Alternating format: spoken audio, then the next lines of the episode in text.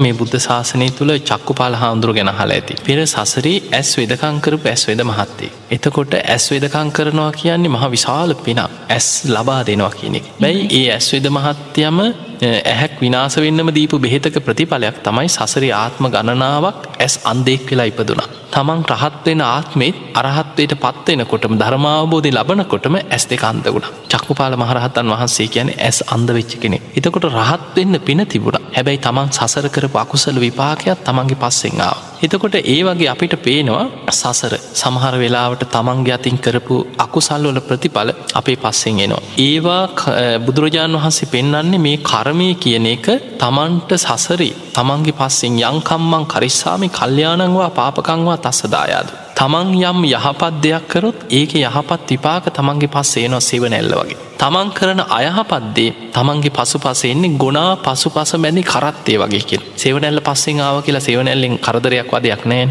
හැබැයි ගුණා පසු පස බැඳි කරත්තේ වගේ නවා කියන්නේ ඒ ගොනා අර කරත්තය ඇදගෙන යන්නේ මොනතරන් දුකක් වේදනාවක් ඇතුවද. ඒ වගේ සසර දුක්ගැහැට විඳවිඳ විපාක විඳ විඳ අපි කරපු අකුසල් අපිට සසර ගෙවාගෙන යන්න වෙනවා. ඒ නිසා අපි සසර අකුසල් තමන්ගේ පස්සෙන් ආවට අපිට කුසල් බලින් ඒව යටපත් කරන්නත් පුළුවන්. ඒ නිසා අපි පුළුවන් තරම් උත්සාහ කරන්නට ඕනෑ දැන් ඇස් දන්දීම කියන එක. සසර බොහෝ විශාල පිනක් මේ ඇස් පේ නැතියට ඇස් දුරුවල වෙන අයට සමහර වෙලාටින උපතින් අන්දයි ඒ විතරක් නෙමේ ඇස් සමහරලාට හොඳට පෙනීම තිබිල කාලයක් යනකට ඇස් නො පෙනියන. ඊළඟට ශරීරය නොයෙක් මේ රෝගාබාධ නිසා හිටි ගමන් ඇස් පෙනීම නැතුව යනයි දැන් ඔයි සීඩී වගේ වැඩි වෙලා සමහරුට හිටිගමන් ඇස් පෙනීම දුරුවල වෙලා ඇස්පේ නැතුව යනයි සමහර සමහරයට යම් කිසි අනතුරු ඇක්සිඩන්ට් එකක් මොනොහරි ඒ වගේ හේතු මත සමලාට ඇස්පෙනීම නැතිවෙන. මේ වගේ නොයෙක් හදිසි අනතුරු නිසා රෝගාබාධ නිසා උපතින් හෝ යම් හේතුවක් නිසා හෝ ඇස්පෙනීම් නැතිවෙන්න පුළුවන්. හැබැයි අපි උත්සාහ කරන්නට ඕනේ සසරේ ඇස් ලැබීම පිණිස මේ මේ ඇස් දෙක පේන්න විතරක් නෙමේ එතනින් එහා ගිය තවත් දිවැස් ලබන්නත් උපකාරවෙන පින්කන් තමයි පහන් පූජාව කියන්න. පහන් පූජා පින්කම සසර දිවැස් ලබන්න උපකාරවෙන පින්කම. ආලෝක පූජා. පහනක්ම විතරක් නෙමේ අපිට තව කෙනෙක් වෙනුවෙන් ආලෝකය ලබා දෙන්න පුළුවන් ඒ ආලෝක පූජාව තමන්ට ඇස් පෙනීම දිවැස් ලබන්න උපකාරවෙන පූජාව. එවැනි පින්කංවල ඒදෙන් හැබැයි ඉවැනි පින්කංවල ඒදෙන ගමන් ඔබට පුළුවන් ඇස් දුරුවල කෙනෙකුට ඇස් කන්නාඩියක් දෙන්න. ඊළඟට ඒ වගේ දේකට උදව්පකාර කරන්න. අපි පින් කරන්න කරන්න පින බලවත් වෙනකොට අකුසල්වල විපාක ශක්ති යටපත්වෙනවා. ඒ අකුසල්වල විපාක ශක්තිය යටපත් කිරීම තුළ අපිට පිනේ විපාක බලවත් කරගන්න පුළුවන්. ඒ අරෙන්න අපිට පිනක් අහෝසි කරන්න පුළුවන්කමක් නෑ. බුදුරජාණන් වහන්සේගේ ධර්මී පෙන්න්නනවා මහනෙනි චේතනාවක් පහල කරලා යම් කිසි කර්මයක් රැස් කරානං එහි විපාක නොවිදා ප්‍රහාණය කිරීමක් බුදු ඇසින්වත් දකිින් නෑ කියනවා. අන්න එක දේශනාවකම තියෙනවා. ඒ කියන්න අපි යම් කිසි චේතනා පහල කරලා යම් පිනක් හෝ අකොසලයක් හෝ යම් කුසල් හෝ අකොසල් හෝ කර්මයක් කොරොත්. එහි විපාක තමන් කරා එනවා මයි. හැබැයි අපිට ඒ විපාක දෙන්න තියෙන පරිසරය අපි රහත් වනා කියන් විපාක දෙන්න පරිසරයක් නෑ අහෝසි කර්ම කියල කොටසක් අහලා ඇතින සමහරුවක වරද වැරදි විදිහට තේරුම් ගන්න. ඒ අහෝසි කර්මෝල සමහර හිතනවා මේ හොරකමක් කරපු කෙනෙ දානයක් දීපහම් මේ හොරකමට දානි කැපිලා යනවද. අන්න එහෙම මේ කරපු පවක් පිනෙන් වහගන්න පුළුවන්. එතකොට එහෙම වහන්න පුළුවන්කමක් නෑ හොරකමේ විපාක වෙන මහම්බෙනවා කරපු දාන විපාක වෙන මහම්බෙන.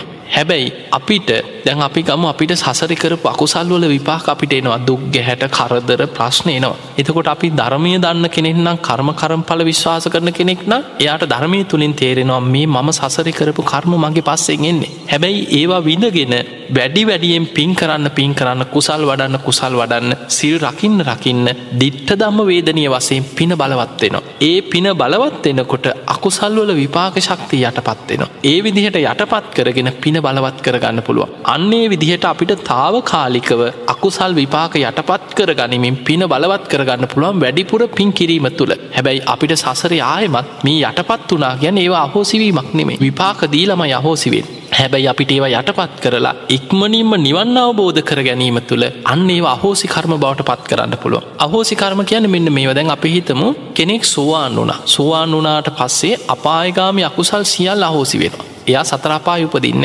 ආත්ම හතකින් එහා විපාක දෙන්න තියෙන යම්තාක් අකුසල් ඇත්ද ඒ සියල් අහෝසි වෙනවා. ඉගෙන් නතේ බවන් අට්ටමං ආදියන්තිකෙන අටවෙනි භවයක උපතකට යන්න.